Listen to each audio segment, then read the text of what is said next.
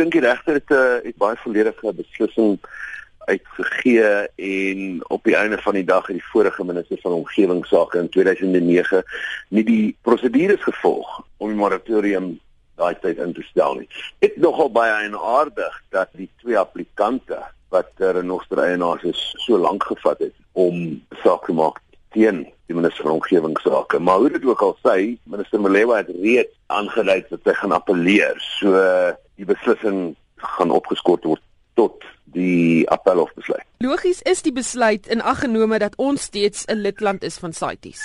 Dit is net aanig. Dis 'n soort van 'n kan mens sê 'n hollow victory vir vir dit en dan maar van daar mag glad nie wêreldwyd in renosterhoring handel gedryf word en Suid-Afrika is 'n lidland. China en Vietnam en ander groot lande wat gebruik is lidlande. China het renosterhoring handel dan verbod afgeplaas in 1993.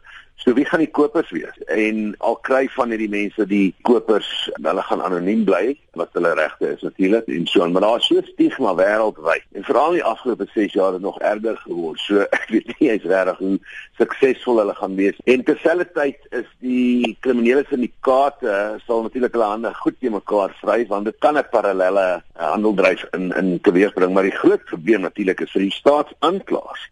Word iemand gevang en dan is die die oorens op die staatsaanklaer om te bewys is hierdie nou wettige onwettige horing. So dit gaan 'n hele Pandora se boks oopmaak vir staatsaanklaers. Jou algemene gevoel oor die handel in renosterhoring, dink jy dit sal die stropery tendens stop?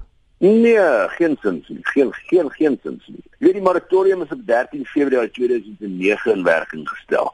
Die renosters van 2007 na 2008 het die, die gestroopte renosters getalle gestyg met 640% van 13 na na 83. Dit dit en toe was daar 'n moratorium gewees en die moratorium het ingekom 2009 en natuurlik het ons gesien hier is al oor die 5000 renosters sien daai tyd wat wat gestroop is. Hoe verhoed jy kriminele syndikaate om dit betrokke raak?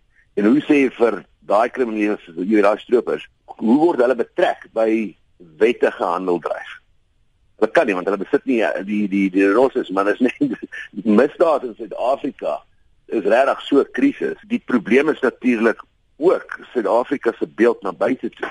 Weet toerisme dis baie maklik vir lande om 'n land so sit, jy weet, gaan boikot wat gaan besluit om aan op dryf in in Oosterhoorn. Een van die toerisme oogpunt